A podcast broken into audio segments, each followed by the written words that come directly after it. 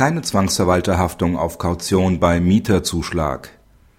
Endet das Mietverhältnis während der Zwangsverwaltung, soll dem Mieter gegenüber dem Zwangsverwalter ein Kautionsrückzahlungsanspruch zustehen, was freilich ausscheidet, wenn der Mieter selbst das Objekt ersteht.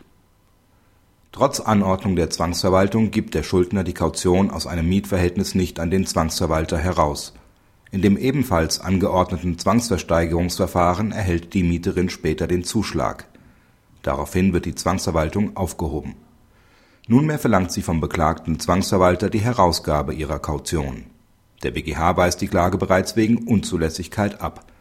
Durch die Aufhebung der Zwangsverwaltung verliert der Zwangsverwalter seine Befugnisse und daher auch die Passivlegitimation. Er kann somit nicht mehr als Partei Kraft Amtes in Anspruch genommen werden. Die Klage ist aber auch im Hinblick auf eine sich möglicherweise aus § 154 ZVG ergebende Schadensersatzpflicht unbegründet. Ein Anspruch der Klägerin auf Auszahlung der Kaution ist gegen den Beklagten nicht entstanden. Bis zum Zuschlagszeitpunkt besteht ein solcher mangels eines beendeten Mietverhältnisses nicht. Der Zuschlag als solcher begründet ihn ebenfalls nicht, weil dieser nicht zu einer Beendigung, sondern nach § 57 ZVG und § 566 BGB zu einer Fortsetzung des Mietverhältnisses mit dem Ersteher führt. Ansprüche aus dem Mietverhältnis richten sich damit gegen den Ersteher. Dies gilt im Grundsatz auch, wenn der Mieter des Objekts den Zuschlag erhält. Dessen Ansprüche gehen infolge Konfusion unter. Kritik Die Entscheidung ist nur im Ergebnis zutreffend.